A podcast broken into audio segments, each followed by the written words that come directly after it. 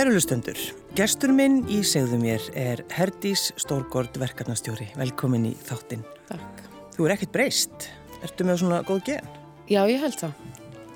Kanski er þetta líka bara þrjóska að streytast á móti við það að verða gamal. Þú veist það að ammaðinn hefði verið svona líka? Já, hún var bara ótrúlega flott kona og, og einhvern veginn svona varði alltaf flottari með aldrinum og lagði mikið upp úr því að gera eitthvað fyrir sjálfa sig og punta sig Já.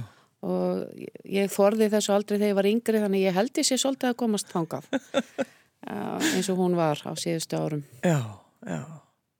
En hvernig, sko, þegar þú byrjar, þú kemur fram á sjónasviðið hér á Íslandi, Herdís, 91. Já. Þá var það kannski ekki alveg planið þitt, því þú uh, ert hjókunarfræðingur og varst búin að menta því bara uh, slisa er það ekki? Jú, svæfinga ég bæði sensat svæfingarhjókurun og hérna slisa og bæklunarhjókurun og svo hafði ég tekið sensat kursi í Danmörku hérna í kennslu og uppeldisfræði. Mm. Því að kennsla náttúrulega er svo stórt hlutverk hjógrunafræðinga inn á alltaf að ráðleika sjúklingum og svo eru nemar, alls konar nemar sem að fara. Og alltaf að, og lækna. Já og þannig að það er, það, mér fannst þetta svo nöðsynlegt af því að ég fann það bara sjálf þegar ég var búið með halvt ári hjógrunafræði í Breitlandi að ég, er, ég vildi ekki að þetta veri betri að kenna, þú veist, til þess að koma skilabóðanu virkilega. Þannig að þetta svona blöndaði alltaf undir að einhvern tíman að menta mig í kjænslu upphaldsfræði. Mm. En, en hvað er það sem gerist? Jú, þetta gerist alveg óvart að ég fer í slisavarni barna, það má eiginlega segja að það hafi verið slis. Það var þannig að ég var deildastjóri á gamlu slisadeildinni sem í dag er bráðamóttakann og það hafði stórslasast hér af því að það hafði verið að hjóla á hitaveitu sagt, stokkonum, stokkonum og hafði hjólað fram á og dotti niður einhverja 5-6 metra og slasast alvarlega. Og það var bladamæður á gamla tímanum sem ringir í mig og spyr sagt, hvort að þetta séu algengslis, hún sé að leita tölfræði og ég sagði henni að ég hefði henni hana nú ekki aðgengilega en það skemmtilega vildi til að ég hafði nýlega farið á fyrstu alþjóðlegu ráðstefnuna sem haldin var um slísavarni barna í Stokkólmi og um, þá einhvern veginn sem sagt fjekki þessa þennan óðbúslega áhuga því að ég var náttúrulega að koma úr umhverfi þar sem að maður var alltaf að eiga við ömulega hluti sem ekkert enduðu alltaf sérstaklega vel og það var svo mikið frelsun að fara þarna og hlusta á sérfræðinga frá öllum heiminum, segja að það væri hægt að fyrirbyggja bruna, það væri hægt að fyrirbyggja druknun og ég einhvern veginn kom eiginlega upp veðru tilbaka. Þannig að það sem ég er hætti nú til að tala einstaklega mikið að þá einhvern veginn snýri ég þessu viðtali bara upp í að ræða um þessa ráðstöfnu.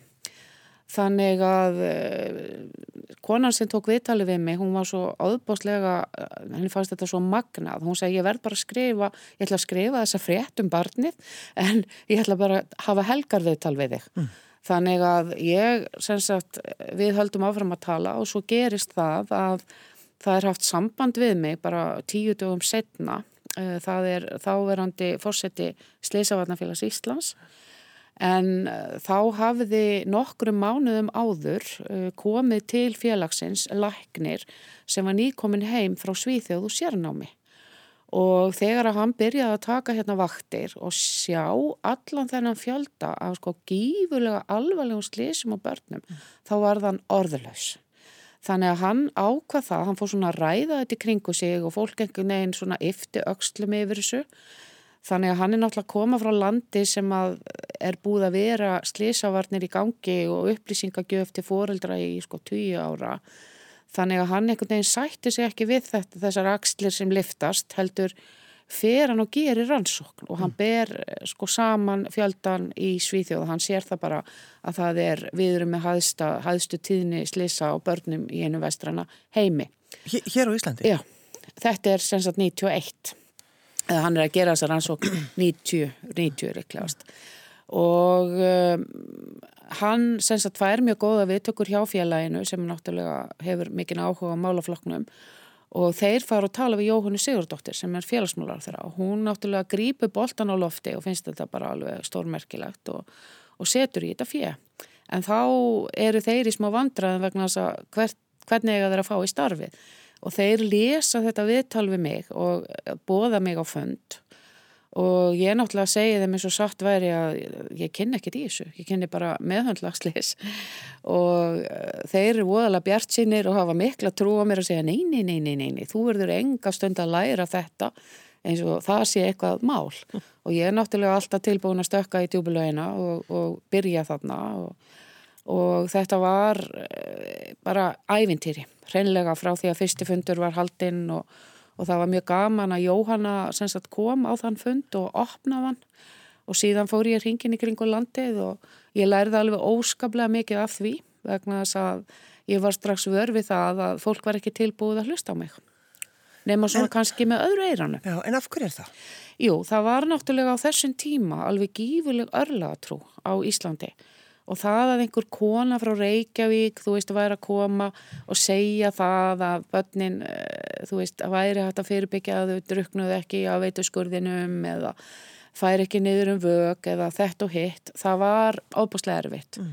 En eh, það sem er kannski kosturinn við mig að ég gefst ekki upp, heldur þú veist, hlusta ég þó ég tali mikið og ég svona fór að spá í hvernig, hvernig get ég þá rófið þennan ring, hvað, hvað get ég gert og eh, næst þegar ég fór ringin í kring á landið þá fór ég, var ég búin að hafa samband sagt, við lakna og hjókronafræðinga á helsugjastlustöðunum sem að mættu með mér á fundi og, og byrtu tölfræði úr sínu hér að þið Þannig að fólk fór svolítið að sjá það að þetta var liklega strétt sem ég var að segja. Mm. Það væri ekki bara í einu óurlegu Reykjavík. Nei, þannig að sko það var bara við einhvern veginn bara ætlunst eða bara sættum okkur við það. Já hér á, árum já. áður að, að við myndum missa bönnin okkar? Já, það var kannski ekki alveg, já, það má eiginlega segja það að, að fólk svona e, eiginlega bara þakkaði sko Guði fyrir það ef ekkert mm. kom fyrir. Þa, það var mikið þannig og við þekkjum þetta mjög mikið úr heimi sjómannskona líka og þegar að Slísavarnaskóli sjómann að koma þá var þetta erfitt fyrstu árin að þú veist, þetta er náttúrulega svona karlavinnustadir og þú veist að fara að vera með eitthvað hjálma og eitthvað svona sem í dag er bara sjálfsagður hlutur og, og það er alltaf, maður næri alltaf árangri sko þegar að fólki sem þú hefur verið að fræða að það er orðið aggressífara í að fræða aðra en þú sjálf. Já, og já. þá er árangurinn náð. Og þannig upplifi ég í dag að fóreldra eru orðnir. Og það er svolítið gaman af því ég geimi sko 30 ára næstum því útklippur og blöðum um slis og núna er þetta undantekningalust fóreldrarnir sem að er að koma fram og segja þetta gengur ekki lengur, þetta má ekki vera svona og allt þetta. Það þarf að laga þig Já, þetta. sem að sýnir það að þú veist, slísavarnir er bara orðin eðlilegu, spartna er orðin eðlilegu hlutur af lífi fólks. Já. En finnst þér, sko, þú hugsa tilbaka, Herdi Stórgóld, finnst þér ekki stundum eh, svona einhvern veginn fáránlegt að, að það hefur verið einhvern veginn svona verið að gera grínaðir uh, þingmenn og alls konar fólk sem var bara svona hvað er þú alltaf að röfla? Ég veit það en þetta, þetta, þetta er ákveðið sko ég lítna blekja á þetta með því að fara í fílu eða gráta mig í svefn ég hugsa mér, já, ég hef náði gegn já. ef að viðkomandi er að eida tíma í að lítilakka mig eða þú veist, senda mér einhver svona skilaboð eða hlæja mér í einhverju parti út í bæ þá hef ég náði gegn. Já. þannig að það er, er mjög alveg sama. Já. og það er svolítið fyndið þú segir þetta vegna þess að þeir sem kannski hafa verið mest aggressífir, gagvart mér uh, það hefur komið að því að það hefur eitthvað hent þeirra börn eða barnabörn. Og hver er þá fyrsta manneskjan sem er hringtir í? Mm. og þá þarf maður að vera smart. Uh, þá má, þá má maður þá verður maður að vera faglegur og þó mann er langið til að segja heyrði, ég hef engan áhuga að tala við þig miða við hvernig þú komst fram með mig en það er ekki þannig veist, það, þá, það skiptir máli að halda rest og aðstóða viðkomandi eins og alla aðra Já. En það er svona, þú talar um það Herdís að svona lífið þitt hafi svolítið verið bara eins og þrautabraut.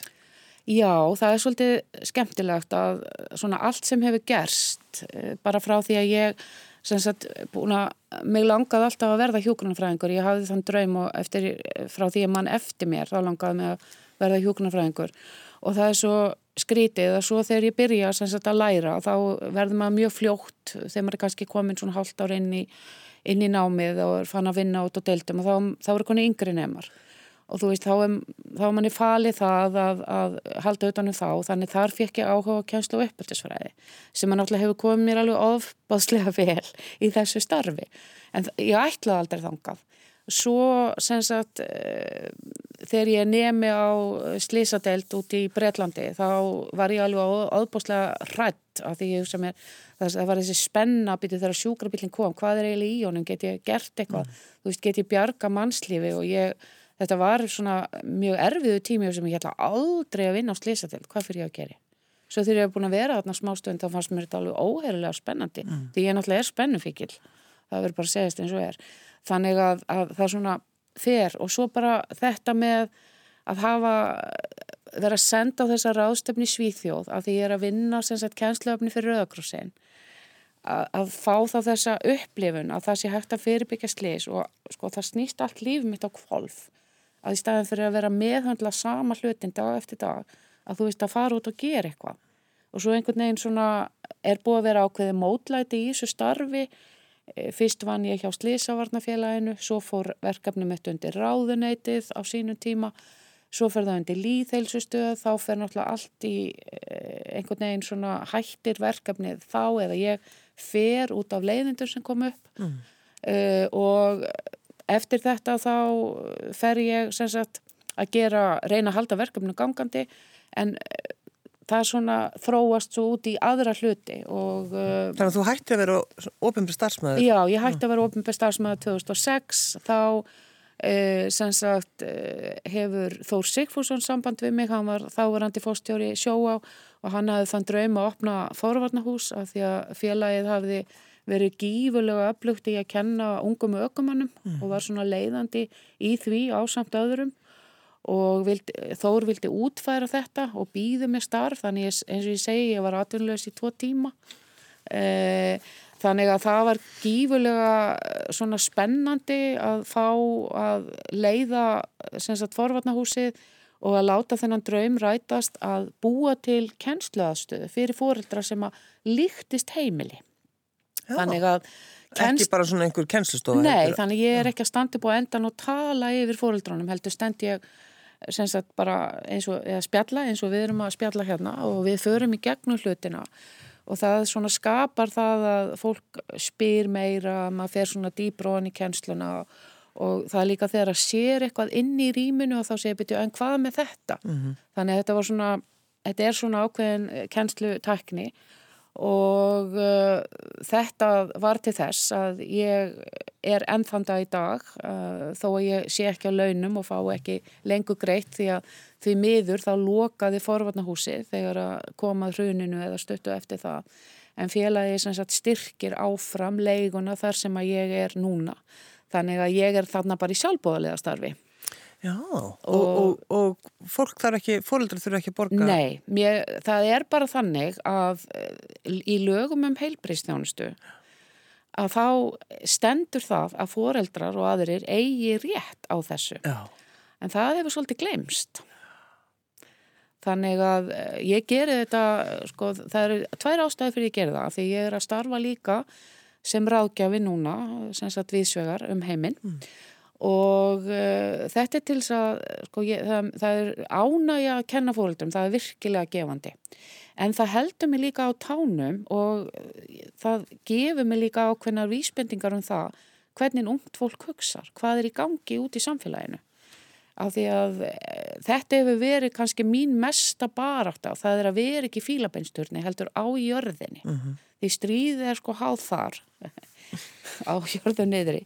Þannig að, að og þetta þykir alls ekkit fínt þú veist að vera endalist úti í græsrótinni en þetta er langt skemmtilegast og mm. þarna nærðu mesta árangræn Svo er það kannski ef við, ef við fókusirum bara á, á mitt unga foreldra þá er náttúrulega endalösar auglýsingar og endalösar síður þar sem eru benda á allt sem þú þarfst að eiga til þess að geta átt bann og svo kannski gleymist, gleymist þitt Já, það er því miður að þá eru fóreldrar svona markkópur kommersialismans uh, uh, og það, það, veist, það er ekkit að því, við, við þurfum náttúrulega vörur og allt það.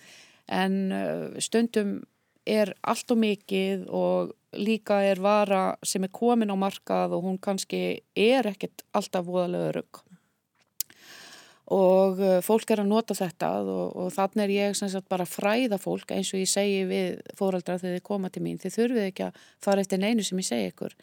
En uh, þú veist ég hef credibility, ég er að vinna sem sérfræðingur og, og, og hef uh, sem sagt er að gera þetta og hitt og þá náttúrulega áttaði sig á því að ég veit hvað ég er að tala um.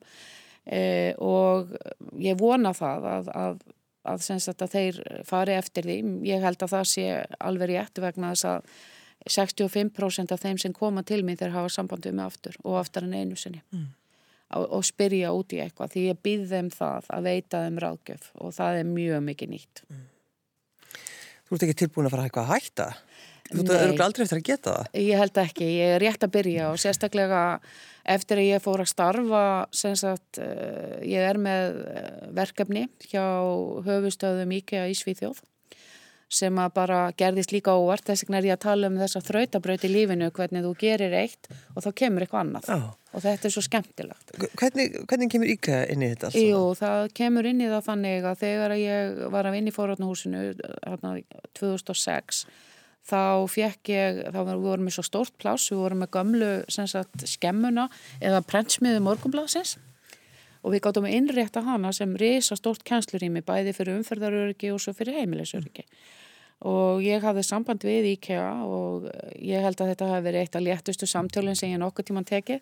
Ég ringi í þáverandi frangatastjóra Þóraðin Æfason og, og segja honum sagt, hver ég er og, og hvað ég sé hugsa að gera og ég var bara búin að ljúka þeirri setningu þegar hann segi, já, heyrðu, þetta hljómar alveg óbúslega vel, hvað vantar þig? Mm.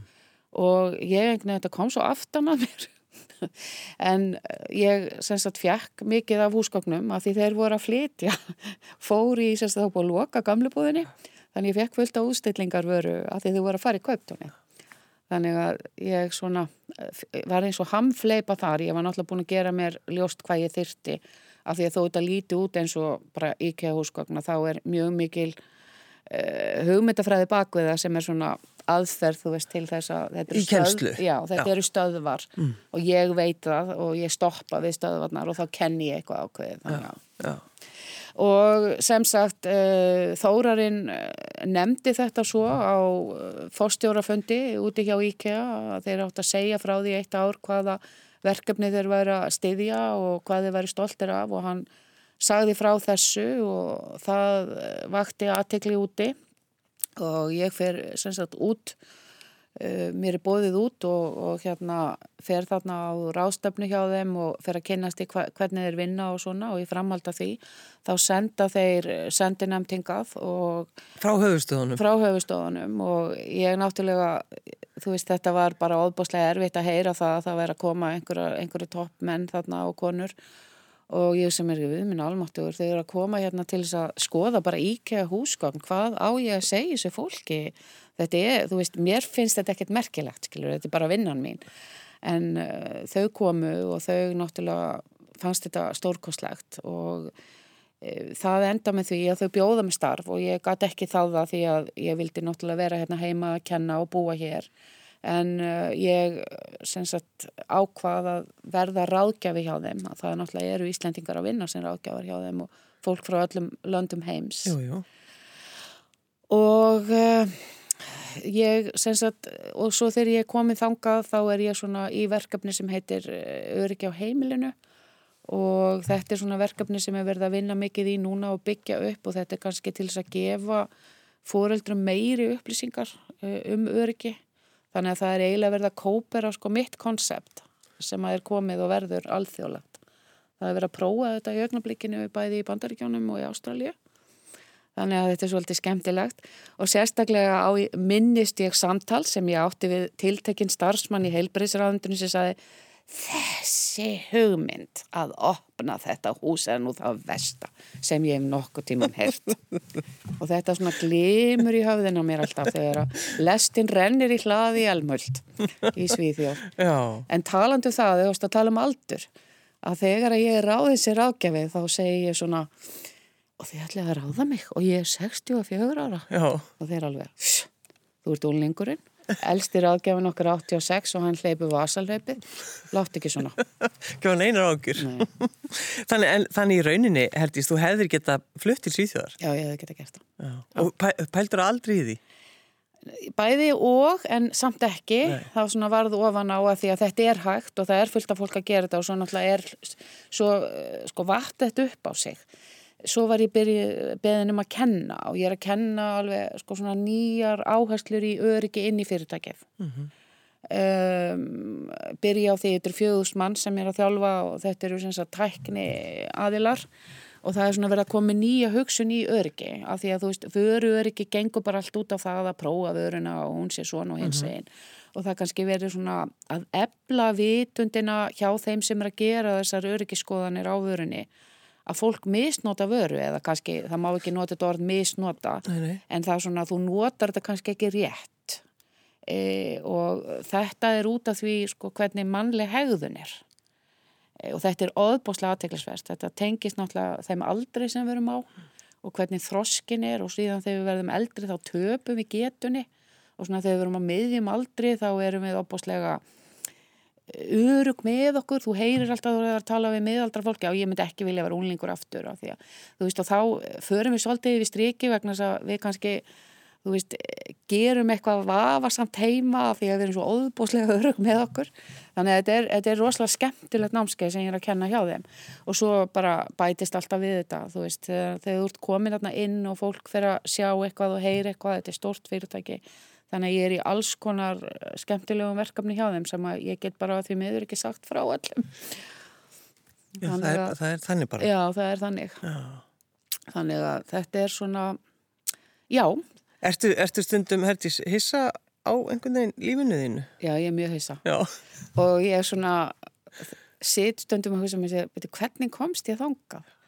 Og samt, sko, þú veist, alltaf svona, ég kannski ekki vafa með eigin getu. Ég viðurkenni það alltaf að ég kannski veit ekki allt og þekk ekki allt. En það sem ég held að sé mjög jákvætt við mig, af því að maður verður líka að vera sáttu við sjálf, en maður getur ekki bara verið gaggreinin, að ég er ekki hrætt. Ég er sko, tilbúin að stökka alltaf í þetta og, og taka þetta kannski sem lærdóm. Mm. Og það sem er svo frábært, sko, andrumslofti hjá þessu fyrirtæki er svo frábært að það er í lægi að gera mistök. Og það er engin einn sem getur neitt, við erum teimi og að upplifa þetta, það er stórkoslegt að þetta fungeri. Sko frá, frá því bara að þú ert ung stúlka, Herdís, þá var draumurinn þinn að ver, verða hjúknarfræðing. Já, Eða þú eru auðvitað hugsað, ég ætla að verða hjúka, eins og maður, var kallað. já það var, eða hjúgruna kona. Hjúgrunarkona. Ég legg ekki meira á því, það var hétt það þá. Já, hjúgrunarkona, auðvitað, já. En þannig að, sko, draumurinn alltaf, alltaf sá, var, þetta, var einhver sem þú þekktir? Nei, þetta sem sagt, ég, frá því ég man eftir mér að þá vildi ég vera þetta. Ég tjáði mig um þetta mjög ung, ég hef kannski verið fjóra-fimm ára eitthvað svo les. Já, já, Já. Og ég sagði öllum þetta, ég ætla að vera hjúgrunarkona. já, já, já. það er ágætt. Já, En uh, svo ertu líka, þú ert líka uh, að tala um einhvern í Búlgaríu. Já, ég, heimurinn er lítill og hérna ég var beðin um það er svona styrktarkerfi sem Ísland er aðili að. Um, þetta er sem sagt Noregur, Liechtenstein og Ísland. Uh, þetta eru verkefni sem er veittu styrkur í sem sagt til tiltekin að landa. Þetta er almennt Austur-Evrópa, þetta er svona gengur út af það að að uh, styðja svona við að því að náttúrulega það hefur, er að eiga sér stað mjög mikið breytingi í þessum löndum og einhvern veginn rataði ég inn í þetta og um, endaði með því að ég fór og var með verkefni í Rúmeníu í tvö og hálft ár þar sem að um, ég var í rauninni að vinna í því að, að hérna setja upp örgisferðla fyrir grunnskóla í Rúmeníu mm. og fyrst sem sagt var mér bóðið út að kynna hvað þá er að koma fólk sem sagt frá allri Rúmeníu og uh, þarna er að kynna sér það kannski kemur frá alls konar félagarsamtökum eða skólum eða stopnunum og, og það hlustar hvað kann þetta fólk sem er að koma þarna frá þessum löndum að kynna. Og það var þarna kona sem að eh, mjög flott kona sem að e, var að reyna að koma á stað sagt, hérna, eftir skólastarfi það þekktist ekki í Rúmeníu. Og hún sagt, stopnaði félag og fekk styrkraður på sambandinu eða semst, þetta er tengt Európa-sambandinu og EFTA. Já. og hún, þegar hún fór að sinna þessu þá náttúrulega sá hún að var svo mikið að slísum, alveg ræðilega náttúrulega. Bæði var eh, sko, talsvert um gamla byggingar og, og eh, svona gamla lóðir, veist, allt steinsteipa og ekki mikið barn, fyrir börnin. Þannig hún fór svolítið að berjast í þessu þannig að þegar hún hlustaði að mig kynna hvað ég hefði verið að gera á Íslandi þá hafði hún strax samband við mig og, og sótti, þau sóttu sem sagt um og þau fenguði hennar styrk. Þannig að ég var að ferðast eh, hérna í Transilvaníu e, var sótt alltaf og það var, það var svo slæmt sko lestakerfi að ég var sótt að bílstjóra og þeir keirðu nú misjaflega hratt þannig að ég skulle sita hér og geta sagt frá því það er bara kraftaverk. E, vægast sagt að því maður þurfti að hafa mikið fyrir því að leita bílbeltánu stundum en um, þetta er upp í Brasov, þetta er í sko fjallendi og þetta er alveg óskaplega fallegu staður og fólki þarna er svo gott að ég tárast sko þegar ég tala um það. Og um, þarna vann ég með skóla og flottu starfsfólki og ég þjálfaði það allt upp. Ég skrifaði fyrir það sko handbók uh, kennslu aðferðir síðan þjálfaði ég þau öll og nú er þessi skóli sem ég er skjálfilega stolt af, hann er móðurskóli í Rúmeníu að aðstofa aðra skóla, þau fengu áfram styrki þó að ég væri farin. Mm. og þau eru núna í þessu. Og, og þetta bara stiðst við mótel sem að ég vann hér heima sem að þegar ég var ofinbær starfsmæður fyrir grunnskólana þannig að, að þetta er mjög skemmtilegt og af því að við ást að tala um Búlgari ekki Rúmeníu já, já, þá hafði sko, Búlgari mjög mikið áhuga að gera það sama. Já. og einhvern veginn náðist ekki af því að styrkirnir eru með sko, áherslur á mismunandi þætti. Þannig að svona sko, public health eða slísavarnir var ekki það dætt út mm. komu aðri þættir inn. Þannig þau fengi ekki styrk. En ég fóruðan gaf af því að til þess að kynna sko samskona, var með samskona kynning og ég hafi verið með í Rúmeníu. Og eftir það að þá var eh, kona þarna sem að uh, barniðina dó skamu eftir að ég hafi verið þarna. Og uh, hún sem sagt að því hún hafi hlusta á mig að þá hafi lögmaður hennar samband við mig. Og sem sagt hún er að glýma við það, hún er að fara með stort mál fyrir sem sagt Európa-domstól af því að drengurinn hennar, hann verður hann sem sagt lést í vestlun þar sem hann var útstilling á vask, borði, stóru, þungu. Mm. og það var ekki fest niður. Og það var ekki sko því að hann væri að hlaupa einnum búðinu heldur var hann með móðu sinni alveg og hún var við hliðin á hann og hérna hún bara sem sagt beigið sér niður til að reyma skóin sinn og það, hann hoppar upp á síningapallin og, og fer að klifra eins og börn gera og fær þetta yfir sig og lérst og, og sagt, þannig að ég er búin að vera aðstóða eh, hennar lögumann uh, núna í eitt og hálft ár. Þannig að þetta er svo náttúrulega gengur alltaf aftur fótunum núna út af COVID þannig að ég veit ekkit hvernig þetta fer fyrir domstóla Nei.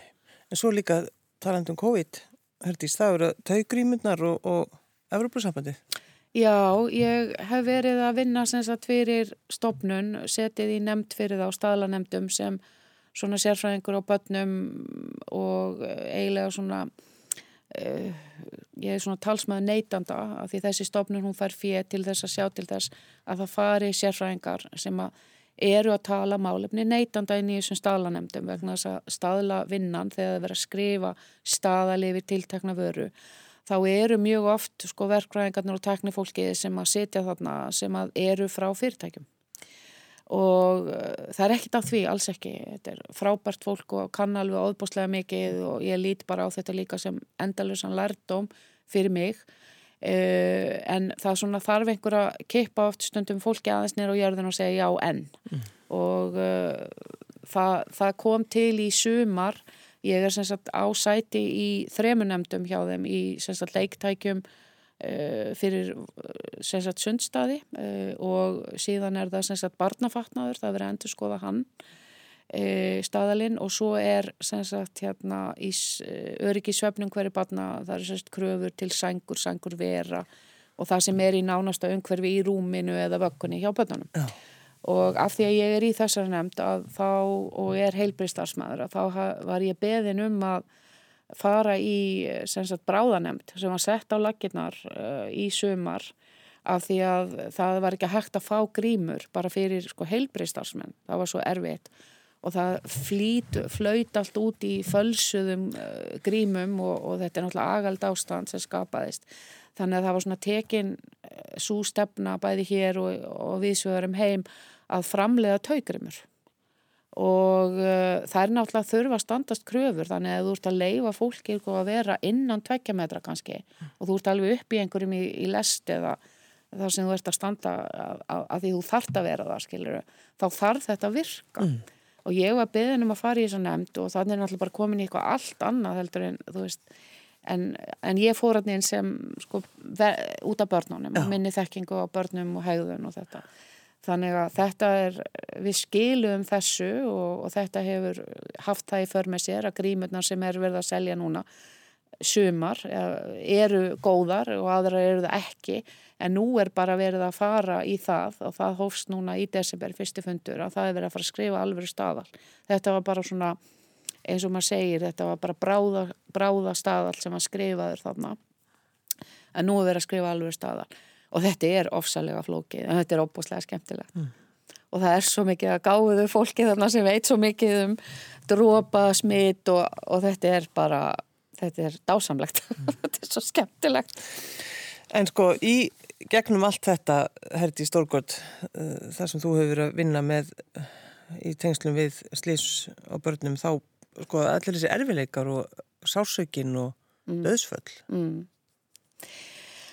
Já það, það náttúrulega eftir að hafa unnið á slísadeildinu á sínum tíma þá eh, náttúrulega satt maður inni vegna þess að það sem fólk verður að hugsa í dag að þetta var ekki það sama að starfa á slísadeildinu fyrir mörgum árum síðan, það var ekki tilneitt sem hétt hérna sáluhjálp eða þú veist það sem við þekkjum í dag. Þannig að þetta var oft bara spurning um að sko herða sig upp og þú veist, já. Ah, já. Þannig að þetta breytist mikið og það er náttúrulega áfalla hjálp er náttúrulega bara stórkostlegu hlutur og ég er ánað að hafa líka tekið smá þátt í því á sínum tíma að því það byrjaði fyrir 30 árum síðan. Að, og sjá svo sagt þegar það svo fór í gang hjá Sliðsávarnafélagin og sínum tíma varandi björgunafólki hvað, hversu frábært þetta er en að sjálfsögðu sko ég er ekki að nota það sem afsökun þegar að ég hef verið mjög erfið kannski við eh, og þurft að beita mér að hörku þegar ég reyna að koma einhverjum ofinbjörn starfsmönnum eða ráðherrum eða einhverjum í skilningu mikilvægi einhvers að þá getum að verið svolítið frustreraður að, að þú veist að segja veistu bara yfir höfu hvernig tilfinning það er að þurfa að standa fyrir framann foreldra með látið bann sem að deyr af slísförum og slís sem að hefði verið hægt að fyrirbyggja.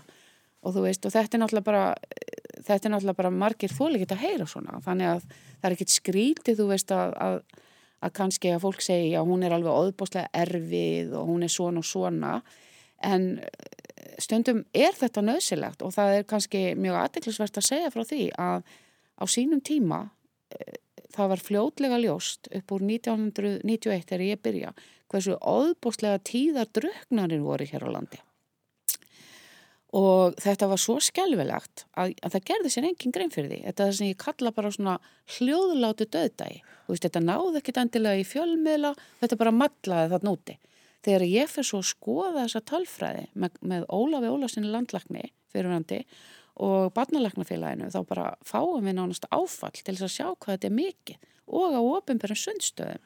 Þannig ég náttúrulega hjóla í þetta í ráðuneytinu og, og ég var sendið alls konar svona þrautagöngur og vísaburtu og allt þetta. Og það er ekki fyrir ná sko foreldri sem að ég hafði haft með að gera á slísateltinni sem að sko les hvað ég er að reyna að gera. Mm. að, að viðkomandi ringir í mig og segir hérna, mér langar að hjálpa þér okkur langar að hjálpa þér, fóreldrónum hvað getum við gert?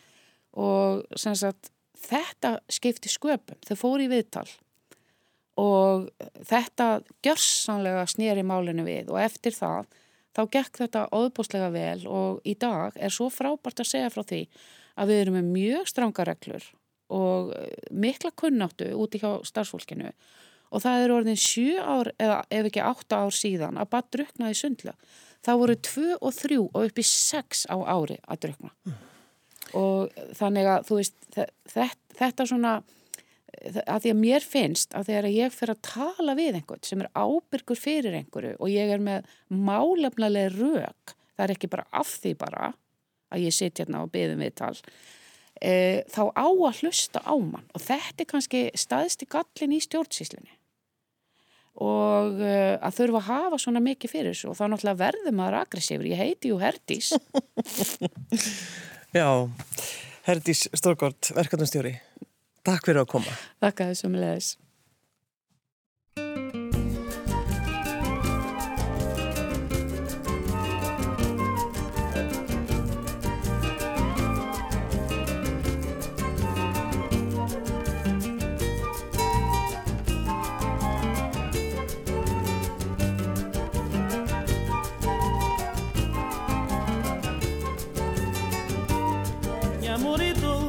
Amor é certo amor tá longe, minha amor tá perto. Ele tá na minha, nunca tá sozinho nesse mundo. Meu amor caçou de crescer. Ele é um amor, um cristão. Que quer viver na meio de ver. Meu amor é tudo contigo. Ele é um amor do irmão. Cá canta perdi fe Cham canta bunyamu oh mundo Cham canta bunyamu panoama. Cham canta bunyamu oh mundo Cham canta bunyamu panoama Nyamoritus, nyamoriceto amor é tá longe, mi amor tá perto. Eta na minha tá sozinho nesse mundo. Meu amor caçou e cresceu Ele é um amor com Cristo Que cá quer viver na meio de Meu amor é tudo contigo. Ele é o amor do irmão. Cá tem da cá kyamukanta bunyamu oh omungu kyamukanta bunyamu bano wano kyamukanta bunyamu oh omungu kyamukanta bunyamu bano wano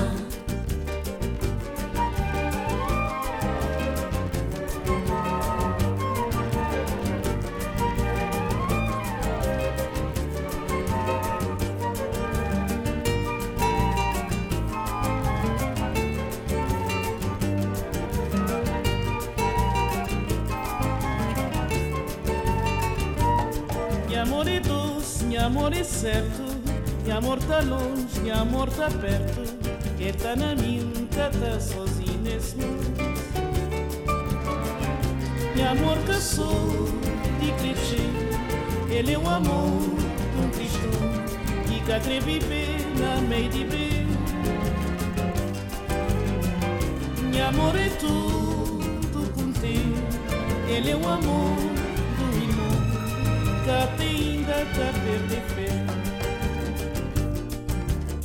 Cham canta bunyamu o oh mundo. Cham canta bunyamu palo ama. Cham canta bunyamu o oh mundo. Cham canta bunyamu palo ama.